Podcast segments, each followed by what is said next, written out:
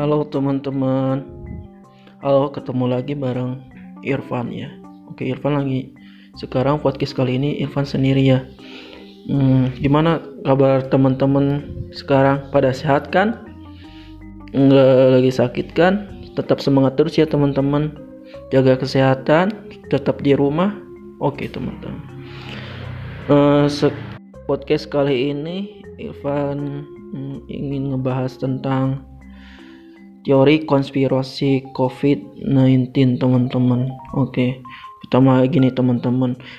Virus flu ini padahal udah muncul teman-teman di tahun 2002 di Guangzhou, Guangzhou Cina pada 2002 dan berakhir pada Juli 2003 dan virus ini sangat mematikan teman-teman dan disebut dengan virus SARS teman-teman. Dan di Timur Tengah juga virus ini muncul pada tahun 2012 yang disebut virus MERS. Dan sangat berbahaya teman dalam jangka tiga tahun dia masih ada teman-teman. 2012 ya. Dan MERS ini muncul pada tahun 2012 dan penghujung kemarin nih teman-teman penghujung 2019 corona mun, coronavirus muncul di Wuhan, Cina. Nah, dari ketiga virus ini, teman-teman, dari ketiga virus ini ya hampir sama, teman-teman. Cuman yang membedakan SARS sama MERS itu tingkat kematiannya, teman-teman. Tingkat kematiannya sangat tinggi, teman-teman. Kalau SARS sama MERS, kalau coronavirus eh, tidak mematikan, teman-teman. Cuman penyebaran ini sangat cepat teman-teman yang yang paling bahaya ini penyebarannya sangat cepat teman-teman dan kalau misalnya covid ini kalau misalnya orang tua gitu punya penyakit lain misalnya darah tinggi kolesterol diabetes kayak gitu teman pasti virus corona ini akan sangat mengganas teman-teman jadi ya mungkin kebanyakan yang meninggal di Indonesia mungkin ya. Mungkin mungkin bukan karena coronavirus itu teman-teman. Mungkin karena dari penyakit lainnya gitu. Dan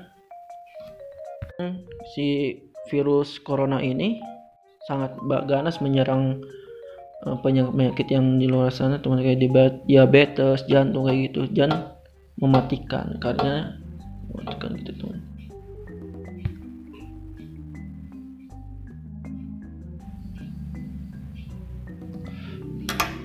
dan teman-teman rahasia penyebaran coronavirus teman-teman. Dalam dokumen eksperimen laboratorium virologi virus corona pada tahun 2017 yang hmm, yang disusun, disusun oleh Skinnerage kunci penyebaran virus adalah yang disebut oleh asam amino teman. Jadi kena kenapa virus corona itu penyebarannya cepat? Itu teman. Karena virus amino itu teman ditambahin gitu. Gini teman-teman. Menurut sumber yang kredibel penambahan asam amino pada COVID-19 adalah buatan manusia di laboratorium. Hal ini yang diungkap oleh Prof Chai Tai Fuang dari National Taiwan University. Dan menurut dia uh, sangat aneh teman-teman. Dengan penyebaran COVID yang begitu cepat dia mengatakan gini teman hal ini tidak wajar teman-teman. Biasanya mutasi virus tidak radikal. Ah ini virus corona ini memiliki empat asam amino. Hmm, mungkin ini memiliki uh, mungkin kalau tidak ikut um, campur tangan manusia teman-teman. Pasti ya, kayak gini teman-teman kayak misalnya uh, virus SARS sama MERS itu hampir sama gitu kayak COVID. Cuman si COVID ini um, kayak ditambahin gitu asam aminonya. Jadi, si virus ini penyebarannya sangat cepat, teman-teman. Dan pada UU Senjata Amerika, Dr. Francis Boyle, COVID hmm, senjata biologis Amerika.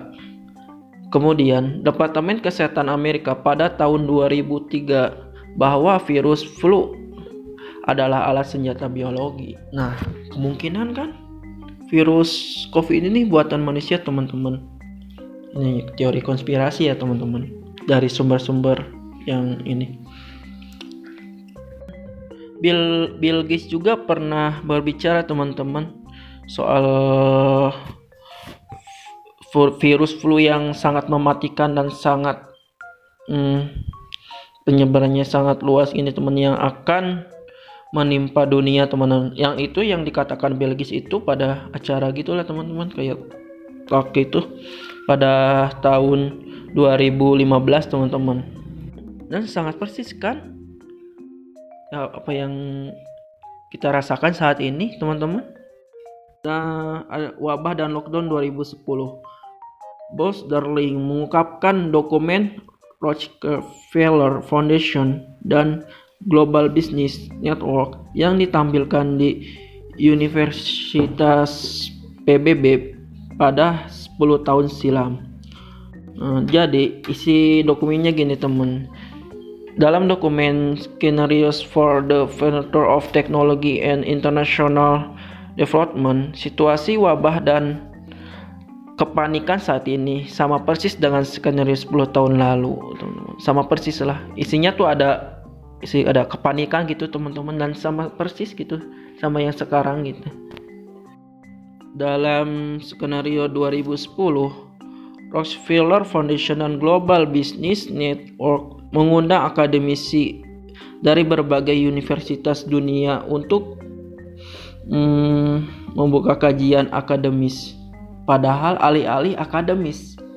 Padahal isinya hmm, sangat buruk sekali teman strategi kayaknya strategi perang gitu teman-teman kejadian juga teman-teman setelah dapat remen 2010 dua forum dua tahun kemudian muncullah virus SARS dalam dokumen itu sudah dituliskan teman-teman bahwa flu yang sangat mematikan itu sudah dituliskan 2010 yang lalu dan kemudian terjadi 2012 yaitu virus SARS. Gimana teman kalau bukan buatan manusia?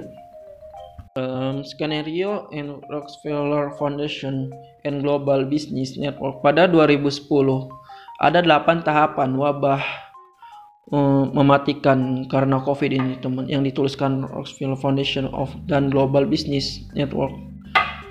Udah ditulis nih teman-teman pada tahun 2010 yaitu uh, isinya wabah flu sangat mematikan dan terjadi kan pada tahun sekarang wabah flu sangat mematikan ekonomi lumpuh industri mati rantai supply hancur dan terjadi nih sekarang ini teman-teman sama persis yang yang ditulis 10 tahun lalu dan isinya ada yang ketiga, toko toko toko-toko dan kantor tutup. Karyawan jadi pengangguran. Nah, sama persis juga yang sekarang ini teman-teman. Ya kan?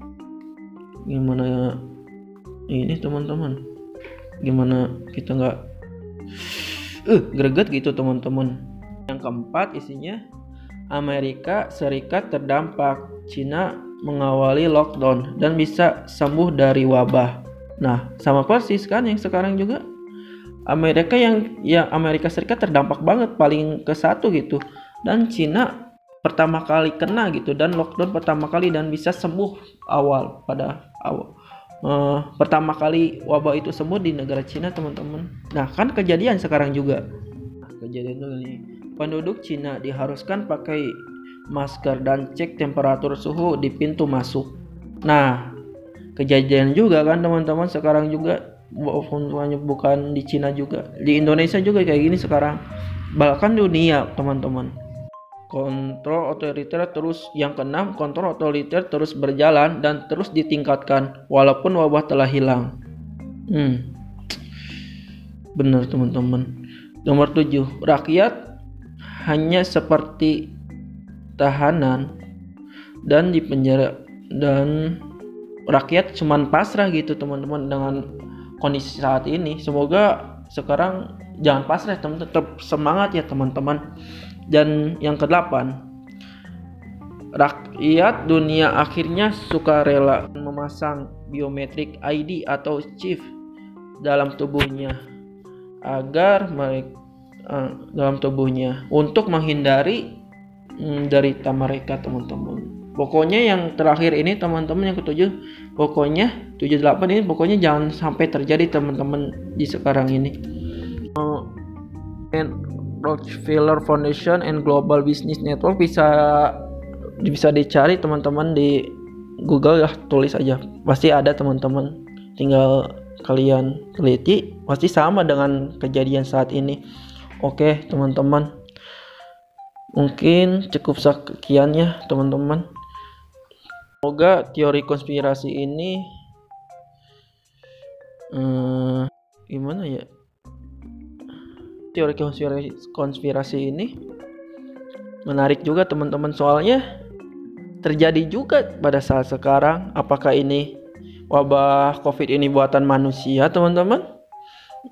Hmm, buatan manusia ya? Hmm, mungkin ya.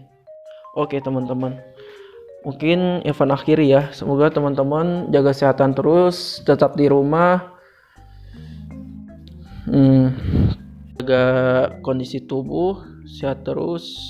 Semoga di bulan cuci Ramadan ini bulan penuh berkah ini semoga doa dari teman-teman semoga covid ini cepat beres cepat berakhir teman-teman biar bisa mengawali kehidupan normal kembali teman-teman.